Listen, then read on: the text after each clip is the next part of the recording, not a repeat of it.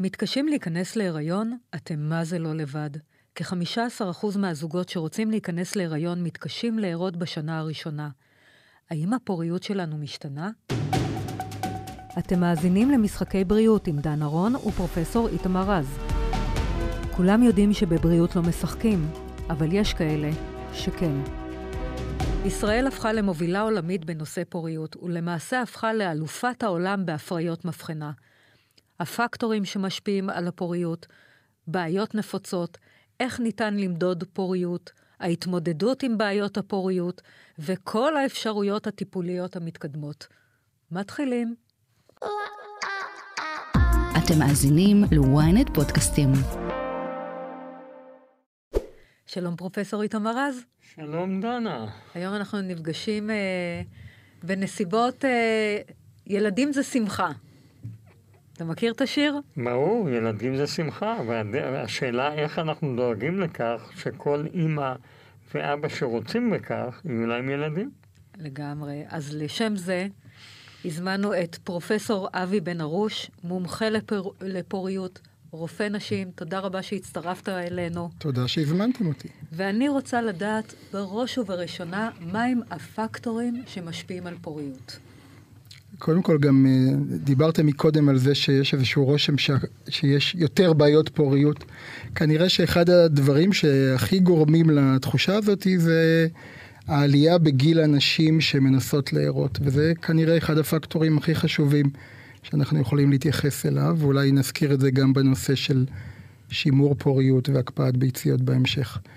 אבל כשאנחנו מדברים בגדול על סיבות לאי פריון או לתת פוריות, אנחנו באמת לא מדברים הרבה על אי פריון. יש, יש מילה כזאת, עקרות, נכון? זה משהו תנכי. Mm-hmm. כשאני מעביר הרצאות לסטודנטים, אני תמיד אומר להם, אל תשתמשו במילה הזאת, זו מילה... מילה סופית, יש מעט מאוד מצבים של עקרות כן, אמיתית. כן, עקרות זה כאילו dead כן, end. נכון. אז אנחנו מדברים על תת פוריות או על ירידה אה, סטטיסטית בסיכוי להשגת הריון ולידת חי. ובגדול, גם מה ששאלת אותי לפני כן על נושא של הגבר, אנחנו מדברים על פחות או יותר חצי חצי. נשים וגברים, יש טענה מבחינת כלפינו... מבחינת בעיות הפוריות. מבחינת בעיות הפוריות. יש טענה כלפינו רופאים שאנחנו תמיד מתייחסים לנשים, ואנחנו עושים בדיקות, והיו כל מיני תוכניות טלוויזיה שאני לא אזכיר בעבר, שדיברו על זה, איך טיפלו באישה, טיפלו באישה, ובסוף לא נגעו בגבר. אז לא, אנחנו יודעים את זה. בערך ב-50% מה, מהמצבים שלנו יש... הגבר הוא או גורם מוביל או תורם אה, בלעדי, לכן אנחנו בהחלט מתייחסים לזה. אז בוא נדבר רגע על בעיות נפוצות לפוריות אצל גבר. תראו, כשאנחנו מדברים על בעיות פוריות הגבר, אנחנו מדברים על גברים עם ספירת זרע נמוכה. במרכיבים שונים של ספירת זרע. גם ספירה בכ... בתנועה, לא? נכון, גם במרכיב של הריכוז של תאי הזרע, גם במרכיב של התנועתיות וגם במרכיב של איך נראים תאי הזרע מבחינת תקינות, מורפולוגיה. בחלק גדול מהמצבים אנחנו לא נדע למה. כלומר, יש גברים שיש להם ספירות זרע נמוכות. בחלק גדול מהמקרים אנחנו לא נדע את הסיבה האמיתית. יש סיבות גנטיות, מועטות, לא רבות, של גברים עם איזושהי הפרעה כרומוזומלית, כמו קליינפנטר או תסמונות כאלה ואחרות. אבל גבר שמגיע, בוא נתחיל כן. רגע אחורה. כן. ממתי נחשב זוג לבעיה עם בעיות פוריות? כ-85% מההריונות מושגים תוך שנה, כ-70% מושגים תוך חצי שנה. אוקיי. זה מדובר על קבוצת נשים בגיל הצעיר יחסית, אבל אם נלך לקבוצת הנשים בגיל היותר מבוגר, שזה אומר מי? נניח מעבר לגיל 37 לכיוון ה-40, שם גם כשאנחנו רוצים לברר, אנחנו לא נמתין לשנה. אנחנו נתייחס לזה נתייחס לגיל ובזהירות. נכון. אוקיי. סטרס משפיע על, על הפרעה להיכנס להיריון? שאלה קשה. סטרס משפיע, יכול להשפיע על ביוצים של נשים. כלומר, נשים... במצבים מסוימים יכולות להיות עם הפרעות ביוץ בעקבות סטרס, ירידה במשקל, פעילות גופנית מאומצת, דברים אה, שברמה הקיצונית אנחנו מכירים כמו במצבים של אנורקסיה, ירידה במשקל no. וכולי, אבל גם סטרס כרוני במנגנונים של מרכזיים של אה, ההיפותלמוס ויותר את המוח, בהחלט קשור להפרעות בביוץ, נכון. אבל, אני... אבל האמירה הזאת שתירגעי ותיכנסי להיריון, זה אנחנו צריכים כמובן להיזהר עם זה. ברור. זה לא, זה לא דבר שנכון לומר למרות אותו. ששמעתי לא מעט מקרים שכבר אה, בעקבות טיפולים, נשים נכנסו להיריון, ילדו תינוק חי, ברוך השם הכל בסדר, ואז פאק, זה הצליח בדרך הטבע. למה? כי הרחם פתוח כבר, אתה מכיר את המושג הזה? ברור, לא, זה לא זה. אז למה? לא, אולי הסיבה היא כרמת ש... הסטרס שדיב... גם סטרס, אבל כן. זה לא זה. הסיבה היא שאנחנו דיברנו, לא דיברנו על עקרות או על מצבים שבהם לזוג אין סיכוי להשיג הריון. יש הסתברות מסוימת. גם אם אני אקח זוג שעבר כישלונות בטיפולים אפילו, יש לו איזושהי הסתברות בסיסית להשיג הריון. וההסתברות הזאת קורית מתישהו, אבל נכון? אחרי לידה, הרחם פתוח יותר לא, לקלוט... אה, ההסתברות זה? או ש- להשגת הריון אחרי לידה היא כמו אותה הסתברות שהיו בנסיבות של אותו זוג. מדהים. את כן מתייחסת זה לזה. לאישה שהרתה כן. וילדה, אז יש פה איזושהי הטיה סטטיסטית חיובית בזה שבעצם היא השיגה הריון וילדה. אבל זה לא שההיריון שיפר את התנאים ברחם. אישה רוצה להרות, כן. למה שיהיה לנו ביקורת על מספר הפעמים שניתן לה כל עוד היא מוכנה להתמודד נכון. עם כי- הקושי הרב שזה כרוך כי אם אתה? תיקח אישה בת 43 שמנסה להשיג הריון ולידה, בת 44 אפילו, במדינת ישראל היא תקבל מימון כמעט לא מוגבל להפריה חוץ גופית, כאשר הסיכוי שלה להשיג הריון. ולידת חי הוא 2-3 אחוזים. הבחורה צעירה, אני מניחה שאיכות הביצית שלה טובה יותר. מתי היא מתחילה להידרדר? תראי, זאת שאלה שקשה לבחון אותה באישה ספציפית, אבל, אבל באופן... בגדול. בגדול אנחנו מדברים על זה, הרי נשים נולדות עם כמות ביציות שנולדו איתה, זה כמות קבועה. אין לנו התחדשות של ביציות, כלומר, כשאת היית עוברה ברחם אמך, היו לך מספר ביציות, כמה מיליונים, ובלידה כבר ירדו, אה, ירדה כמות מאוד גדולה. הגוף לא מייצר ביציות? לא מייצר ביציות, לא. וואו. זאת כמות של ביציות שישנה והיא כל הזמן הולכת אה. ויורדת. כבר משלב של שבוע 20 להיריון עד הלידה, הכמות הזאת יורדת במיליונים. וכשמגיעים לילדות בגיל ההתבגרות, גיל קבלת הווסת, אנחנו אז מקבלים על כמה, מדברים על כמה מאות אלפים של ביציות. וכל חודש יש ביציות שיוצאות לדרך והן מתות. חלקן הקטן מגיע לביוץ, חלק קטן מאוד מגיע להיריון ולידה. כמעט שאין לנו דברים שמאטים את הקצב הזה. כלומר, גם אם את לוקחת גלולות וגם אם את אה, בהיריון, כל דבר אחר, מה שלא יהיה, הביציות האלה הולכות ויורדות. אוקיי, ומאיזה גיל הן יורדות באופן דרמטי? או שהן פשוט הולכות ויורדות, וככל שאני עולה בגיל, אז... נתונים, יש לנו נתונים מכל מיני דברים, גם משיעור הפוריות הטבעי, גם משיעור הפוריות כתוצאה מטיפולים, גם מדגימות של שחלות שאנחנו עושים כן. במחקרים שלנו ואנחנו מסתכלים על דגימות של שחלות. כנראה שהירידה היותר משמעותית היא מגילאי 35-37, ומתי מפסיק הווסת. לקראת גיל הווסת- 50. נכון, ב- בישראל החציון הוא סדר גודל של גיל 51, אבל מה זה אומר? זה אומר שאין מספיק ביציות שבעקבות הגדילה של הזקיקים בשחלות, ששם יש את הביצית, יש הפרשה של הורמונים שגורמת להתאבות רירית הרחם, והדימום זה בעצם ירידה ברירית הרחם. באיזה גיל אה, אישה צריכה לשקול, אם אין לה בן זוג, היא לא בזוגיות, צריכה לשקול להקפיא ביציות? שאלה טובה. כמובן שככל שאישה מקפיאה בגיל יותר צעיר, זה, יותר, זה עדיף מבחינת האיכות של הביצית אבל וגם הם הכמות. לא יעשו את זה בגיל 25, הרי. נכון. דרך אגב, היו, הייתה טענה למה התקנות בישראל כן. כיום מאפשרות לאישה להקפיא ביציות, אני לא מדבר על מימון, מדובר פה בפעולה פרטית, כן. בין גיל 30 ל-41. למה 30 ולא 25? כי ככה קבעו מסיבות כאלה ואחרות. ויש על זה טענה ובגיל משמעותית. 41, הסיכויים שלה יהיו קטנים יותר מאשר נכון, בגיל גם 30. אם נקפיא הרבה מאוד ביציות בגיל 41, הסיכוי שמזה יהיה הריון ולידת חי הוא נמוך. הוא לא אפס, אבל הוא נמוך. ולכן קבעו איזשהו תחום, וקבעו גם מגבלה על מספר טיפולים שאפשר לעבור, ומה כמות הביציות להקפיא. אני מניחה שבשלב הראשון אישה מגיעה, אישה, אני מדברת על אישה חד-הורית שרוצה כן. הריון אה, של אם יחידנית, כן. מגיעה לקנות זרע בבנק הזרע. אז ראשית, האם היא צריכה לקנות מנה? מנות, מה, לא באמת, אני יודעת שזה עניין של מזל. יש לי חברה שקנתה מנה, ואמרתי לה, נראה לך הגיוני? את כבר הלכת, בחרת, כן. נכנסה להיריון, ו- כן, והוא חי וקיים. מה הסיכוי אבל- שלה להיכנס כן. להיריון? תלוי 25 בגיל. בגיל תלוי 43, בגיל. בגיל 43 מנה אחת. אבל מה 43 מומלץ לאותה. אישה? כן. לקנות מספר מנות? תראי, בדרך כלל, אנחנו בישראל, בנשים, בוא נאמר, מעבר לגיל 39, אנחנו מתייחסים לזה כבר כגיל שמצדיק הפריה חוץ גופית מבחינת סיכוי להצליח. לא הזרעה. זה לא אומר שנשים בנות 39 או 40 לא יכולות לעבור הזרעה, או הזרעות.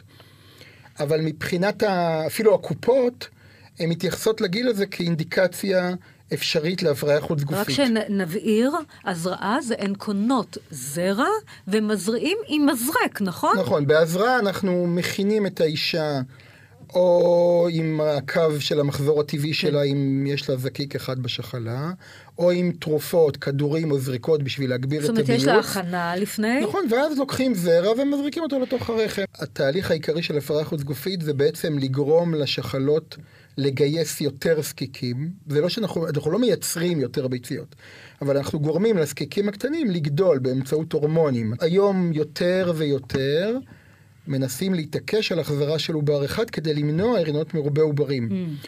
ואנחנו עושים את זה בכך שאנחנו מנסים לבחור את העובר הטוב ביותר להחזרה בשיטות שונות. יש לנו היום יכולת לצלם את העוברים באינקובטור, איך שהם מתפתחים. אה, מעניין. אתם אולי שומעים על כל מיני חברות שעוסקות ב-artificial intelligence, AI ו-machine learning וכל מיני יכולת לזהות תמונה ולראות את ההתפתחות הקינטית של העובר. וואו, מדהים. יש היום יכולת לבדוק גנטית את העובר לפני שמחזירים אותו לרחם, בוויכוח אם זה תורם או לא, אבל מלבד במחלות אה, מסוימות, האם זה תורם לבחירת ה- מה העובר. עושים עם שאר העוברים? אם הם טובים, מקפיאים אותם. מקפיאים אותם. זה לא בהכרח קורה, אבל זה בדרך כלל, אם היו לנו עשר ביציות, יהיו לנו בערך שבע, שמונה שיופרו, יתפתחו בערך שלושה, ארבעה עוברים, אחד נחזיר, עוד אחד נקפיא, אולי עוד אחד נקפיא, אבל יש פחת לאורך התהליך. במדינת ישראל אנחנו עושים כ-60 אלף מחזורי IVF בשנה, שזה מספר גדול מאוד, ואחת הסיבות הברורות לכך זה שהמדיניות הציבורית שמאפשרת טיפולים במימון סל הבריאות. כן. בארצות הברית, לשאלתך, כשאישה מגיעה ואין לה מימון, ולרוב לא יהיה לה מימון, היא צריכה סכומים של 20 ולפעמים 30 אלף דולר למחזור טיפול. אחד, כן. אז תתאר לך אישה לא. בישראל שעושה ארבעה, חמישה מחזורי טיפול בשנה. מה היא הייתה צריכה לשלם? כן, לא, ברור. אבי, בוא, מניסיונה- בוא נדבר רגע כן. על, על תופעות הלוואי. כן. כי אחד הדברים שמאוד כואבים על- אצל נשים שאני ליוויתי אותן, זה תופעות הלוואי מהזרקת ההורמונים.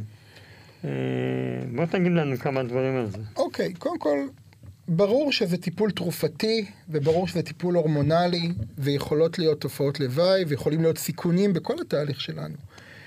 בדרך כלל כשמדובר בטיפולים במדרגיות הנמוכה, כשאני מדבר על מדרגיות נמוכה, אני מדבר על רמה של הזרעות, המינונים הם לא גבוהים. בדרך כלל נשים לא יחוו תחושות מעבר לאולי אה, מקום ההזרקה, לפעמים כאב ראש, גודש בחזה, תופעות הורמונליות כאלה ואחרות. אה, במינונים היותר גבוהים של הפריה חוץ גופית, יכול להיות שזה יותר יבוא לידי ביטוי, אבל במרבית המקרים, למעט מצבים של קרישיות יתר או איזה שהן מיגרנות קשות שיש לאישה, במרבית המקרים נשים לא יחוו תופעות מאוד מאוד אה, קשות. קשות. יש נשים יותר רגישות. זה כמו שבתחילת הריון יש נשים שמקיאות, נכון? נכון. ויש נשים שלא בכלל. נכון. יש נשים שבגלולות מרגישות רע, ויש נשים שבכלל לא מרגישות. מתי עוצרים טיפולי פוריות? אומרים לאישה, זהו. את נוגעת פה בשאלות מאוד מאוד מורכבות, כיוון שיש את ההיבט הרפואי, יש את ההיבט החברתי, יש את ההיבט הכלכלי מול הקופה. אה, בוא נגיד, עם כסף זה לא האישו. בגיל 45, כעיקרון, בישראל נגמרת היכולת לבצע הפריה חוץ גופית. במצבים שבהם עשית טיפול ולא הגעת לשאיבה או לא הגעת להחזרה, גם הטיפול יכול להיות אבל מופסק שמעתי על נשים בגיל 50 שערו וילדו. מתרומת ביציות. אה, נכון. זה לא ביצית או שלהם. נשים ששמרו לעצמן ביציות מגיל כן. יותר צעיר. כן. והשתמשו רק עצמית. ב... כן, נכון. נכון. נדיר ביותר, יש נשים גם שבגיל 45 משיגות הריון ספונטני, אבל זה לא, זה לא משהו שאני כרופא יכול לעזור לה. כלומר, אם כן. יקרה הריון ויקרה הריון ספונטני, הוא יכול לקרות. האוכלוסייה של זוגות שחווים כישלונות מאוד רבים, שהם לא ניתנים לפתרון, היא קטנה יחסית. טוב, זו בשורה מאוד אז משמחת. התמדה, נכון. התמדה ותקווה זה דבר, חלק מהותי מהטיפול שלנו. הריונות שיש הרבה מקרים שיש הריון, אבל יש גם הפלה אחרי, וכל פעם עוגמת הנפש. כמה פעמים אישה יכולה לעבור הריון שנקלט והפלה, ועדיין לא להתייאש, אתה כפרופסור, להגיד לה, אל תתייאשי, זה יקרה בסוף. או שלפעמים אתה נאלץ להגיד, הגוף לא נושא את זה, או למה הגוף לא נושא את זה. טוב, את נוגעת עכשיו למשהו אחר שנקרא תחום ההפלות החוזרות. Uh, בתחום של הפלות חוזרות, בחלק גדול מהמקרים אנחנו לא יודעים למה. בחלק מהמקרים יש הסברים גנטיים, הסברים אה, אוטואימונים לפעמים. אוטואימוניים, אה, שניתן לאזן. אותם כן, באוטואימונים? לא, שניתן. שנוצרים נוצרים, נוצרים נוגדנים כנגד הוולד. אבל, אבל בחלק גדול מהמקרים, אבי? גם באנשים של הפלות כאלה, אפשר לעשות משהו?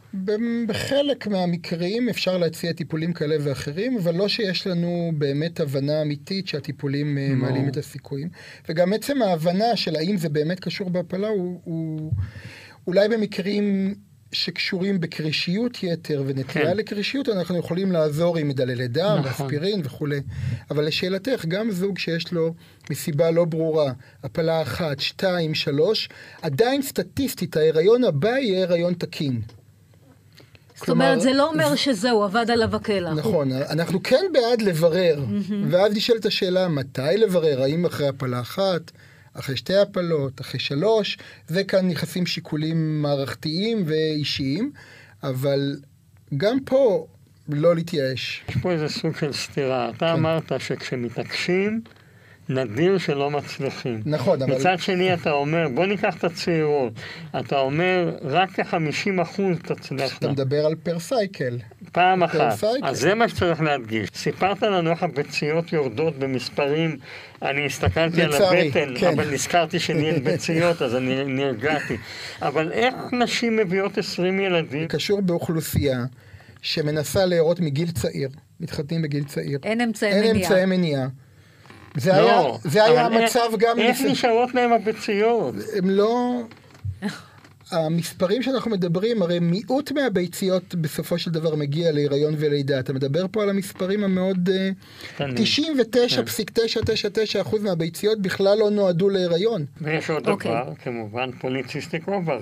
זה חלק אתה- מהנושא של הביוצים שדיברנו. נכון, שאז אתה יכול בכל זאת לתת אה, דיאטות מתאימות, תרופות כמו מטפורמין. נכון, לא דיברנו וכך על. אה, טיפולים, אבל היום בכלל, כל הנושא הזה של ההפרעה המטבולית, אה, ברור ששינוי הרגלי חיים, ירידה במשקל, לא בכולם, כי חלקם נכון. רזות עם שחלות פוליציסטיות, אבל כאלה שיש להם עמידות לאינסולין גבוהה, תרופות, התרופות אגב- החדשות אגב, אורח שכולנו החיים- מדברים אורח עליהן, אבי, החיים- משקל יתר מהווה בעיה בכניסה להיריון? בעיקר כהפרעת ביוץ. אבל אם אתה מנטרל את הגורם הזה של הביוץ, אנחנו בדקנו את זה בכמה עבודות, שאתה משתמש, אם כבר השגת עוברים באיכות טובה, הסיכוי להיריון ולידה הוא אותו דבר, יש יותר סיבוכי הריון, כמו שאתה יודע נכון, כמובן, נכון. סוכרת יתר לחץ דם בהיריון. ואחת השאלות הגדולות זה מה משמעות עליית המשקל בהיריון על מצב האם והעובר בלידה. בהחלט. ואנחנו יודעים שיש לזה משמעות גדולה. ככל לא שהאם פחות- עולה יותר בלידה, ככה התינוק הוא יותר אה, עם לא, נטייה אם האישה להשמנה. עולה הרבה מאוד במשקל, זה גם נכון. זה, אולי אבי, תגיד אתה, מה קורה שאישה עולה הרבה מאוד במשקל בהיריון? שוב, 30 קילו, 25 קילו. היא- תראה, הרי לא כולם עם בעיה מטבולית אה, נניח סוכרתית, אין לה בעיה נניח אין, אין כן. סוכרת. אז כמובן שיכולים להיות השפעות אה, נוספות, אבל במרבית המקרים, אישה שהיא בריאה, אתה לא תגלה אצלה יתר לחץ דם וסוכרת או ביטוי כזה. אני חייבת צעירה. להגיד לכם משהו. זה צרות של עשירים, חברים. אנחנו מדברים כן. על בעיות פריון. נכון. אנחנו נורא רוצים לעלות במשקל, ונורא רוצים תינוקות שמנמנים. בוא נגיד, לא אכפת לנו. אנחנו רוצים תינוקות בריאים. אנחנו רוצים תינוקות בריאים, נכון. ושיהיו ידיים מלאות. תודה רבה לך, תודה רבה לך, תודה אה. פרופסור איתמר רז, תודה רבה לך, פרופסור אבי בן ארוש, מומחה לפוריות, רופא נשים. אה, עזרת לנו מאוד ועשית לנו סדר. אנחנו ניפרד מהצוות שלנו. אז אני רוצה להגיד uh, תודה uh, לבמאי שלנו, לגידי ישראלי, למפקח הטכני, טל אתחדיה, למפיקה, קשת מאירוביץ', ולעורכת המהממת שלנו, הגר כוכבי. נתראה בפודקאסט הבא. תודה שהאזנתם למשחקי בריאות. מדי שבוע מחכים לכם שלושה פרקים חדשים בוויינט, ואתם מוזמנים ומוזמנות לעקוב אחרינו, לקבל התראות לפני כולם, בספוטיפיי, באפל ובכל אפליקציות הפודקאסטים. ואם אתם כבר שם, נשמח אם גם תדרגו אותנו. נתראה בפודקאסט הבא.